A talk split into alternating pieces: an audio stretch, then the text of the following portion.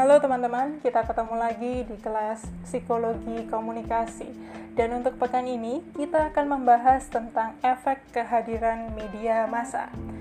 Teman-teman, saya ingatkan lagi, mungkin ada yang belum uh, absen, silahkan dicek dulu apakah kalian sudah absen dan sama seperti minggu yang lalu kita hari ini ada forum yang bisa kalian gunakan untuk cari-cari tambahan nilai Selain itu juga hari ini tidak ada tugas.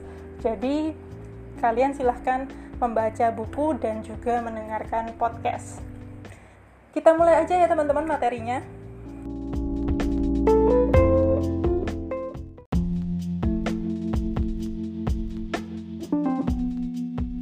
Minggu lalu kita sudah belajar bahwa media itu dapat memberikan efek pada masing-masing individu secara berbeda gitu ya teman-teman karena ada efek yang dinilai sangat kuat atau sangat signifikan tapi ada juga yang bilang bahwa efek media itu tidak begitu signifikan. Nah untuk minggu ini kita akan belajar kira-kira apa aja sih efek dari media massa. Teman-teman yang sudah punya buku silahkan mulai dibuka di halaman 215 kita akan mempelajari tentang efek komunikasi massa. Teman-teman, secara sederhana, efek komunikasi massa itu bisa kita pelajari di level kognitif, afektif, dan behavioral dari seorang individu. Kalau kita ngomong tentang kognitif, kita akan ngomong soal pengetahuan. Kalau kita ngomong afektif, itu kita akan ngomong soal sikap, perasaan, seperti itu. Kalau kita ngomong behavioral, itu berarti kita akan ngomong tentang perilaku. Nah, jadi ada tiga tahap ya. Yang pertama, tahap yang pertama atau tahap yang paling awal itu adalah pengetahuan, dan setelah pengetahuan akan beranjak ke sikap atau perasaan, dan yang terakhir, yang paling kompleks yaitu di tahap perilaku. Tapi sebelum konten dari media itu dapat memberikan efek pada tiga tahapan ini, kehadiran media sendiri itu teman-teman sudah menghadirkan sebuah efek. Efeknya ada efek ekonomi, efek sosial, efek pada penjadwalan kegiatan, eh, efek pada penyaluran atau penghilangan perasaan tertentu, bisa juga efek pada perasaan orang terhadap media. Nah, tapi nggak semua efek ini sebenarnya kita uh, kita harus pelajari dalam uh, mata kuliah ini ya teman-teman karena ada efek-efek yang kemudian tidak berkaitan sama sekali dengan psikologi komunikasi. Nah, yang berkaitan dengan psikologi komunikasi adalah yang pertama yaitu efek penjadwalan kembali kegiatan sehari-hari. Nah, kalau di buku itu diceritakan tentang hadirnya televisi yang kemudian mengubah jadwal aktivitas sehari-harinya orang desa. Di buku diceritakan bahwa ada perubahan jadwal kegiatan atau jam kegiatan orang-orang di desa sejak munculnya televisi di desa tersebut atau sejak masuknya televisi. Jadi yang awalnya masyarakat desa itu yang uh, mata pencahariannya adalah bertani, mereka kan biasanya bangunnya pagi sekali ya teman-teman dini hari gitu. Kemudian mereka pergi ke ladang dan bekerja gitu ya sampai uh, siang hari dan pasti mereka juga tidurnya nggak terlalu eh, nggak uh, terlalu malam gitu ya. Kalau bisa kita bilang mungkin sore udah tidur karena mereka harus berangkat kerja dini hari. Nah, setelah televisi masuk, anak-anak muda itu kemudian jadi telat gitu loh bangunnya, telat bangun dan kemudian mereka jadi lebih siang ketika uh, berangkat ke ladang. Tidurnya pun jadi lebih malam karena mereka jauh lebih tertarik pada isi televisi atau jauh tertarik uh, dengan aktivitas nonton televisi daripada bantu orang tuanya di ladang atau di sawah. Nah, kalau kita sekarang um, pasti agak uh, agak sedikit berbeda ya, teman-teman. Tapi saya yakin sejak kalian kenal dengan uh, yang namanya smartphone, tentu saja kalian banyak menghabiskan waktu menggunakan smartphone daripada menggunakan media lain. Atau jadi lebih terbiasa gitu ya. Lebih terbiasa mulai terbiasa makan sambil uh, handphonean. Makan sambil ngecek uh, sosmed kemudian bisa jadi juga nonton TV sambil ngecek sosmed. Yang dulu handphone nggak bisa buat nonton drakor tapi sejak handphone itu bisa buat nonton drakor akhirnya uh, waktu penggunaan handphone itu jauh lebih lama. Kurang lebihnya seperti itu ya teman-teman. Efek tentang penjadwalan kembali kegiatan sehari-hari. Efek selanjutnya yang berkaitan dengan psikologi komunikasi adalah efek pada penyaluran atau penghilangan perasaan tertentu. Um, ini bahasanya agak seperti uh, bahasa terjemahan langsung gitu ya teman-teman. Tapi uh, saya jelaskan aja contohnya biar kalian lebih paham. Jadi efek pada penyaluran atau penghilangan perasaan tertentu ini bisa jadi ketika kalian lagi bete gitu ya, lagi bosen dan kemudian kalian dengerin musik untuk menghilangkan perasaan bosan kalian. Nah, ini juga termasuk upaya sorry, efek penghilangan perasaan tertentu. Jadi yang sebelumnya bosen gitu ya, bete, tapi setelah mendengarkan musik jadi lebih ceria. Yang selanjutnya, efek yang selanjutnya yang berkaitan juga dengan psikologi komunikasi adalah efek pada perasaan orang terhadap media. Jadi teman-teman, kehadiran media itu bisa menimbulkan perasaan tertentu dalam diri kita. Misalkan ya, kehadiran media sosial itu ternyata membuat kita begitu mencintai media ini dibandingkan media yang lain. Bukti kecintaan kita bisa jadi ketika kita kehilangan at, kehilangan password gitu ya, kehilangan atau um, ketika media sosial kita itu dihack dan kemudian isinya jadi berganti banyak sekali dan akhirnya kalian tidak bisa login kembali ke media sosial itu.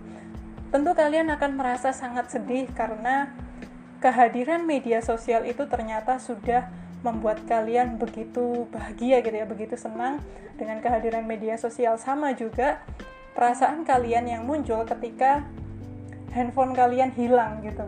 Pasti kalian sangat sedih sekali sangat bingung, sangat kalut, dan kalian ingin handphone kalian itu cepat di, di, uh, cepat ditemukan karena begitu bergantungnya kalian dengan handphone. Nah, ini bisa terjadi. Contoh yang lain misalkan adalah munculnya kepercayaan kita terhadap media-media tertentu. Misalkan kita jauh lebih percaya dengan berita yang disampaikan di televisi daripada berita yang kita temukan di uh, portal berita online gitu ya. Atau berita-berita yang kita temukan di di Twitter gitu misalnya. Itu kalian jauh lebih percaya. Misalkan juga ketika kalian menemukan informasi di majalah dibandingkan dengan di buku kalian lebih percaya informasi yang sudah disampaikan di buku. Nah, inilah perasaan yang muncul akibat kehadiran media tertentu.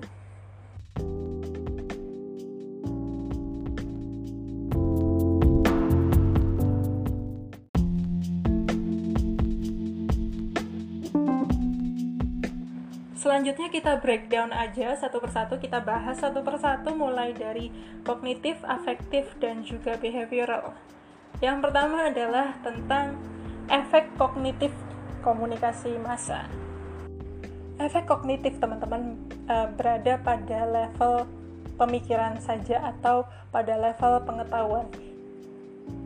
Media massa bisa menghadirkan pengetahuan yang baru bagi kita karena kita nonton sesuatu, kita mendengarkan sesuatu, atau kita membaca sesuatu di media massa, pengetahuan kita bisa bertambah. Misalkan saja ketika kalian tidak tahu menau tentang informasi kedatangan vaksin di Indonesia. Tapi setelah kalian membaca berita di media online, mungkin di koran atau menonton berita di televisi, pengetahuan kalian jadi bertambah. yaitu bahwa kalian tahu kalau vaksin sudah datang di Indonesia. Contoh lain misalkan ketika kalian nggak tahu gitu ya, Korea Selatan itu seperti apa sih, kemudian uh, Seoul, ibu kotanya Korea Selatan itu seperti apa, kalian juga nggak tahu tentang um, keretanya Korea itu seperti apa, lalu kemudian kalian nonton drama drama-drama Korea, kemudian kalian juga nonton film-film Korea, dan akhirnya kalian tahu, oh kira-kira uh, ibu kota Seoul itu seperti banyak gedung-gedung yang bertingkat, kemudian terlihat seperti perkotaan pada umumnya. Keretanya juga kelihatan seperti kereta yang ada di Jakarta. Nah, itu teman-teman merupakan pengetahuan baru yang kalian dapatkan dari nonton film Korea atau dari nonton drama Korea. Ingat ya bahwa bahwa film dan um, sejenisnya ya film maupun um, sinetron maupun juga series itu sebenarnya adalah salah satu contoh media massa. Nah, itu tadi adalah contoh efek kognitif dari komunikasi massa. Kita jadi dapat pengetahuan baru ketika kita mengkonsumsi konten yang ada di media massa. Tapi teman-teman, sebenarnya realitas yang disampaikan melalui media massa itu adalah realitas kedua. Um, sorry, bukan realitas kedua, tapi adalah realitas tangan kedua atau second hand reality. Dalam artian uh, realitas ini kemudian ada yang mengendalikan gitu ya, atau uh, ada yang mengedit atau menyesuaikan. Ini semua terjadi karena semua informasi yang ada di uh, media massa itu pasti ada pihak yang disebut gatekeeper yang kemudian um, mengolah kembali ya teman-teman mengolah kembali isi isi-isi dari media massa ini sebelum kemudian disiarkan atau didistribusikan ke kalayak dengan second hand reality ini atau realitas tangan kedua ini sebenarnya kita sebagai audiens maupun sebagai individu itu sering kali asal telan aja apa pun yang ada di media massa ini semua terjadi karena kita itu sebenarnya nggak bisa atau nggak sempat mengecek kembali peristiwa-peristiwa yang dijelaskan atau ditampilkan di media massa.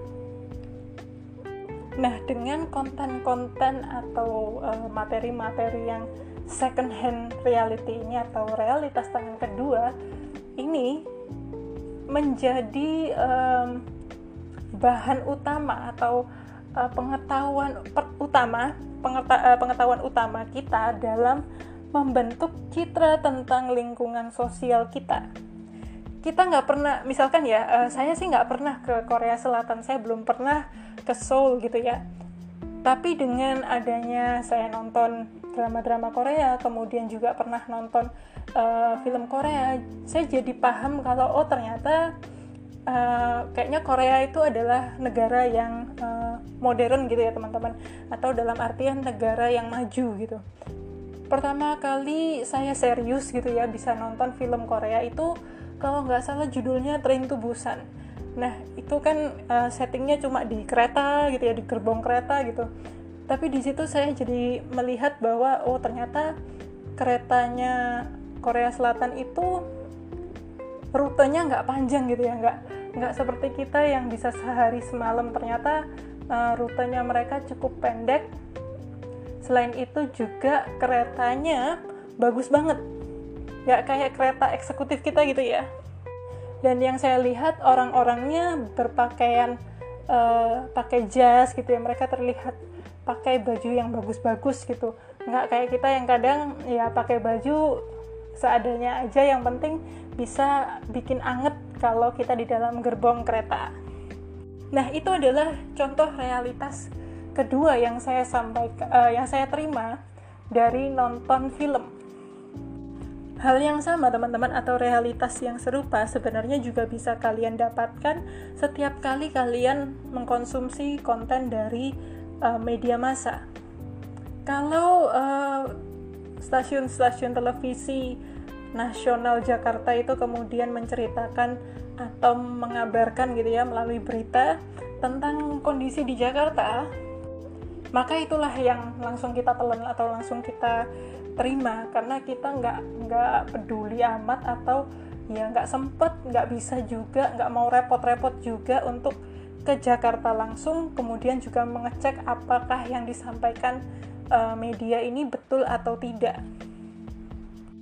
Ini sebenarnya adalah hal yang wajar ya teman-teman. Tapi um, kemudian juga membawa suatu dampak yang bisa kita bilang negatif ya karena um, apa pun yang disampaikan di media massa itu sebenarnya kan sudah berdasar standarnya gate, uh, gatekeeper ya teman-teman sudah berdasarkan um, rancangannya gatekeeper nah inilah kemudian yang membuat kita akhirnya pengetahuan kita itu sebenarnya penuh dengan stereotip. Tidak semua pengetahuan kita yang kita peroleh dari media massa itu sesuai dengan kenyataan yang ada di lapangan. Bisa jadi yang kita terima, yang kita sebut pengetahuan itu sebenarnya adalah stereotip-stereotip belaka tentang uh, ras tertentu, tentang objek tertentu maupun tentang lembaga tertentu. Contohnya aja kalau kalian uh, sering nonton film Hollywood, saya rasa kalau di film Hollywood itu kan orang Amerika khususnya orang kulit putih yang berkulit putih itu kan selalu tampil sebagai jagoan. Bahkan negara Amerika itu sering diceritakan sebagai negara yang isinya pahlawan semua karena ada bencana apa pun mereka selamat gitu ya. Mereka bisa menghadirkan teknologi yang luar biasa untuk menangani uh, masalah kemudian meng menghadapi epidemik juga kemudian uh, bahkan melawan zombie gitu. Nah sejak kecil teman-teman karena saya sering nonton film Hollywood saya sih selalu mikir kalau wah ternyata orang Amerika tuh pinter-pinter ya. Ternyata kayaknya juga orang uh, Amerika itu uh, selain pinter-pinter mereka juga jagoan semua ya kayaknya. Terus juga terlihat bahwa mereka banyak yang langsing gitu banyak yang badannya bagus kayaknya mereka jarang obesitas deh gitu negara yang uh, angka penduduk obesitasnya kecil gitu nah itu adalah uh, hal yang saya sebut sebagai pengetahuan ketika waktu kecil saya sering nonton film Hollywood. Nah, ternyata teman-teman, sekarang tahun ini 2020 kejadian pandemi beneran. Dan ternyata juga di Amerika itu banyak yang nggak percaya bahwa virus COVID-19 itu real atau beneran. Banyak dari mereka yang nggak percaya. Bahkan uh, ada yang menyebut uh, virus COVID itu uh, COVID ini sebagai Chinese virus gitu ya. Ternyata mereka sangat rasis sekali dan ternyata mereka nggak pinter-pinter amat gitu. Kelihatan banget uh, dari banyaknya warga negara ternyata yang nggak mau pakai masker. Disuruh pakai masker pun ya, disuruh pakai masker pun juga ngeyel gitu ya. Mereka nggak mau pakai masker atau cara pakai maskernya yang nggak bener. Ada yang bikin masker juga dari apa namanya kain jaring-jaring gitu ya. Katanya biar bisa bernafas. Nah itu jadi uh, pengetahuan baru juga ya teman-teman buat saya yang uh, ternyata uh, uh, apa namanya mendapat gambaran selama ini yang saya yakini pengetahuan itu ternyata hanya stereotip uh, sorry stereotip belaka tentang orang Amerika. Selanjutnya kita masuk ke agenda setting teman-teman. Nah tadi yang sudah saya contohkan itu sebenarnya adalah proses yang terjadi di masing-masing individu gitu ya. Betapa kita ternyata bisa membentuk pengetahuan dari konten-konten yang ada di media massa. Nah, apakah konten konten-konten yang ada di media massa ini kemudian sifatnya netral? Ternyata enggak gatekeeper bisa sangat bermain di sini ya teman-teman. Jadi uh, media massa sebenarnya bisa dengan sengaja membentuk pengetahuan kita. Caranya adalah dengan agenda setting. Jadi di sini media massa dengan sengaja memberikan pengetahuan kepada kita agar kita berpikir sesuai dengan apa yang disampaikan oleh media massa. Nah, ini prosesnya nggak sederhana ya teman-teman. Agenda setting itu sangat kompleks. Uh, ada agenda publik juga dan kemudian um, nggak sesimpel kemudian satu media menceritakan satu hal dan kemudian kita percaya enggak prosesnya sangat kompleks dan manusia di sini individu sebagai audiens itu kemudian dikondisikan agar mereka percaya betul-betul seperti apa yang disampaikan oleh media. Saya nggak mau terlalu jauh di agenda setting karena nanti kita jadinya bahas tentang komunikasi massa ya teman-teman teori-teori komunikasi massa. Oke, kita lanjut aja ke efek afektif komunikasi massa.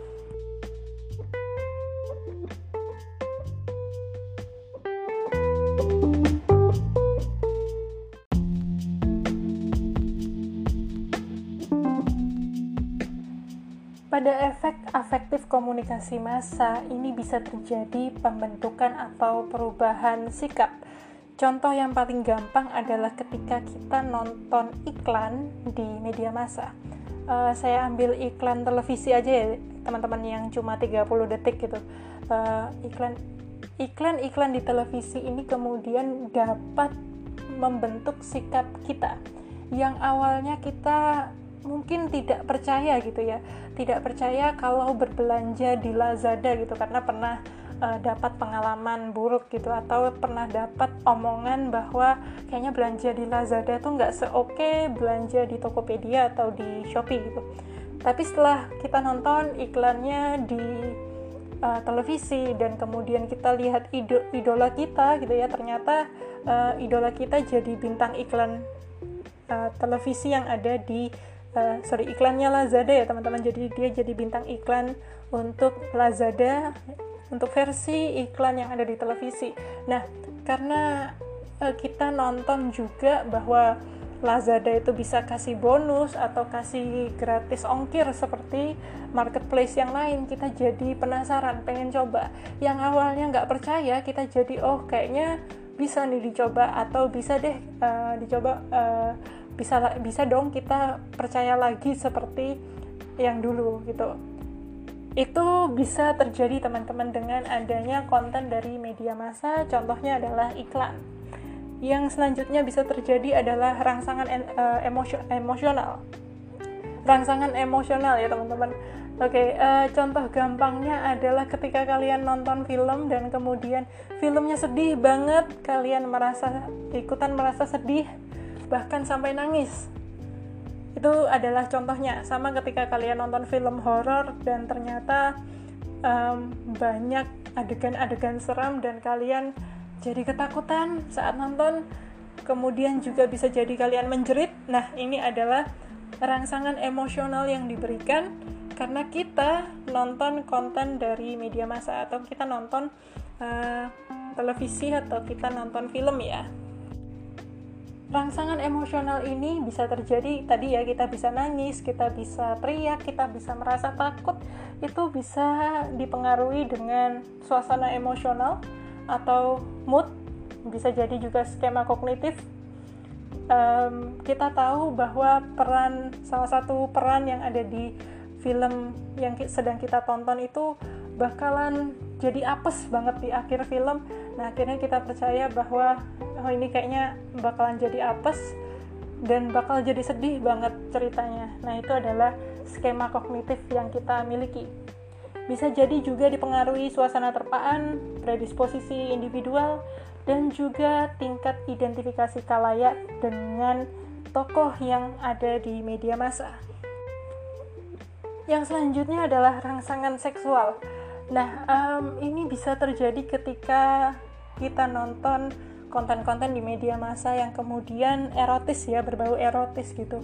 Bisa jadi ketika yang cewek-cewek gitu, mungkin yang uh, suka liatin cowok-cowok yang badannya kekar, perutnya roti sobek. Nah, ketika kalian melihat uh, ada aktor yang demikian di film ataupun uh, ketika kan, kalian nonton televisi kalian jadi merasa um, senang atau ada rangsangan seksual yang terjadi di tubuh kalian atau yang terasa di tubuh kalian. Sama ketika juga uh, ada mungkin dari antara kalian yang pernah nonton uh, video porno ataupun juga nonton film-film porno. Nah, ini bisa terjadi karena konten-konten um, tersebut yang berbau erotis itu ya teman-teman kita sebut sebagai stimulus erotis. Nah, sebenarnya di otak kita itu kita sudah menentukan hal-hal apa saja yang kita bilang atau kita rasakan dapat merangsang diri kita secara seksual. Misalkan kalau ada dari antara kalian yang kemudian suka lihat belahan dada, kemudian juga ada yang suka lihat perut kotak-kotak, ada yang suka lihat paha. Nah, itu bisa kita sebut sebagai uh, rang, eh, sorry, stimulus erotis. Kalau kita lihat itu di media, maka kita akan terangsang. Nah, itu juga uh, terjadi di level afektif ya teman-teman. Oke, selesai dari level afektif, kita akan lanjut ke efek behavioral komunikasi massa.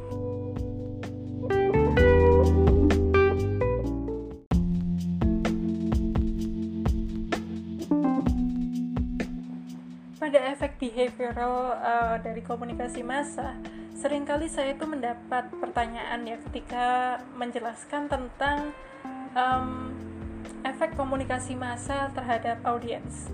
Seringkali pertanyaan yang saya dapatkan dari teman-teman mahasiswa adalah apakah um, audiens itu lantas meniru meniru apa pun yang ada di media massa. Atau apakah segala sesuatu yang disampaikan oleh media massa itu kemudian langsung berdampak gitu ya pada uh, audiens? Dalam dampaknya di sini teman-teman maksudnya adalah apakah kalau media itu bilang uh, banyak sekali berita uh, berita kejahatan di sekitar kita gitu kemudian uh, ada tuh zaman dulu uh, namanya booster gitu ya teman-teman. Berita-berita kriminal gitu ada banyak sekali. Bahkan saya rasa sampai sekarang berita kriminal itu setiap hari ada di televisi. Dan kalau kita mau temukan di media online juga banyak media online banyak di koran juga banyak di me, uh, di majalah juga banyak. Ada banyak sekali berita-berita kekerasan nah apakah ini lantas membuat audiens itu jadi takut keluar rumah nggak mau ngapa-ngapain?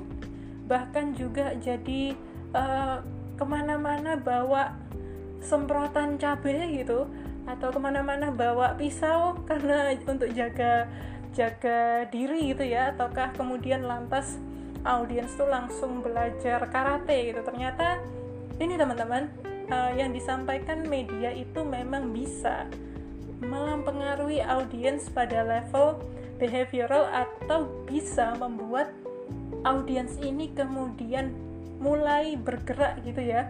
Uh, ada perilaku yang muncul gara-gara um, setelah mengkonsumsi konten dari media massa. Tapi tentu teman-teman ini sebenarnya adalah hal yang sangat berbeda pada orang per orang. Apakah gara-gara sering nonton bokep gitu ya. Lantas orang ini kemudian jadi uh, jadi pemerkosa gitu. Apakah gara-gara sering nonton Smackdown gitu ya nonton WWE atau nonton tayangan martial art gitu ya atau yang gulat-gulat ya gulat-gulat kekinian itu ya teman-teman. Apakah mereka langsung meniru dan kemudian langsung smackdown temannya gitu Ternyata sebenarnya teman-teman gak demikian. Ini terjadi karena setiap individu itu sebenarnya memiliki keterampilan yang berbeda-beda.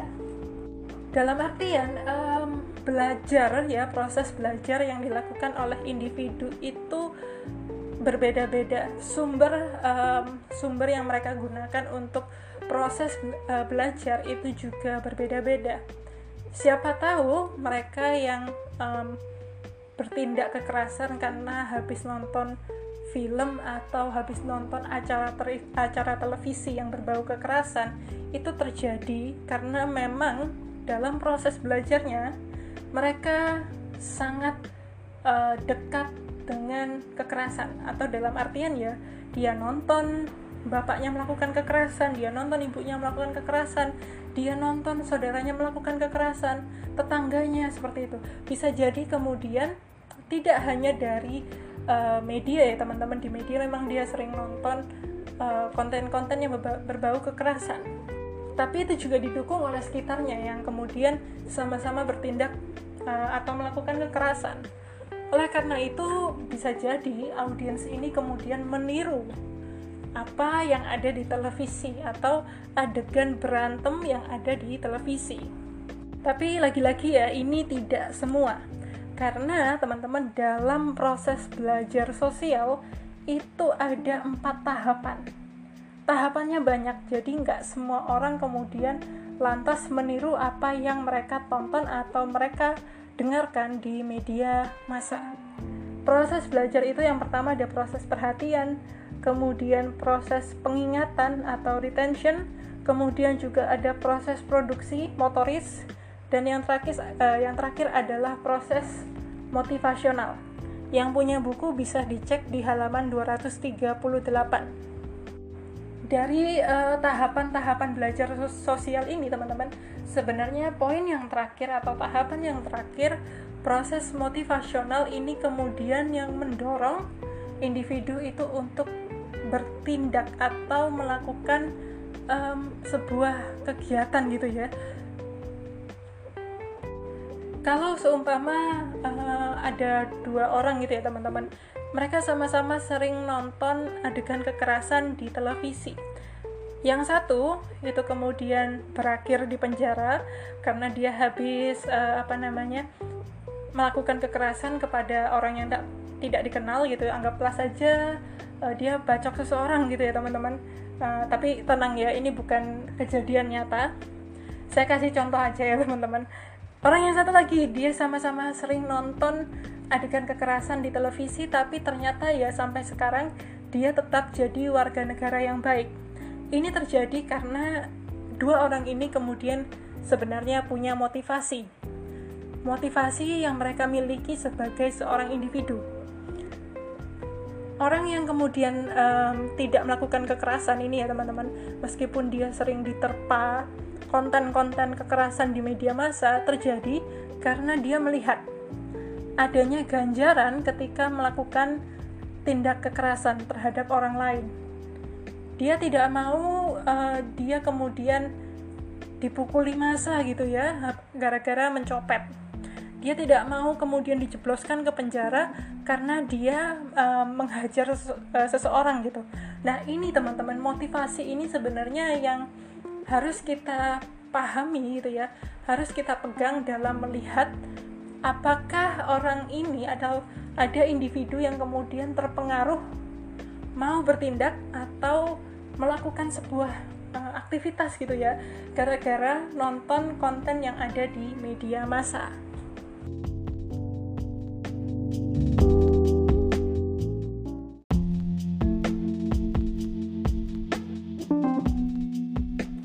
Aja teman-teman yang bisa saya sampaikan untuk minggu ini.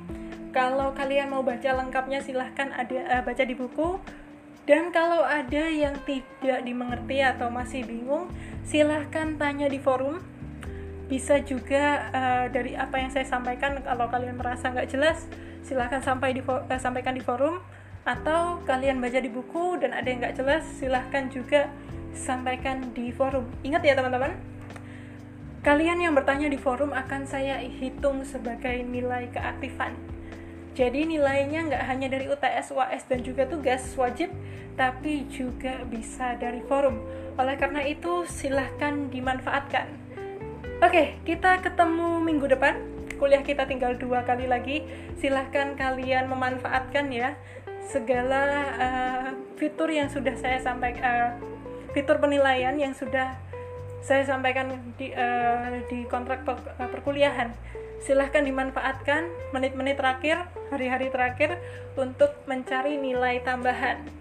Itu aja teman-teman, sampai jumpa minggu depan.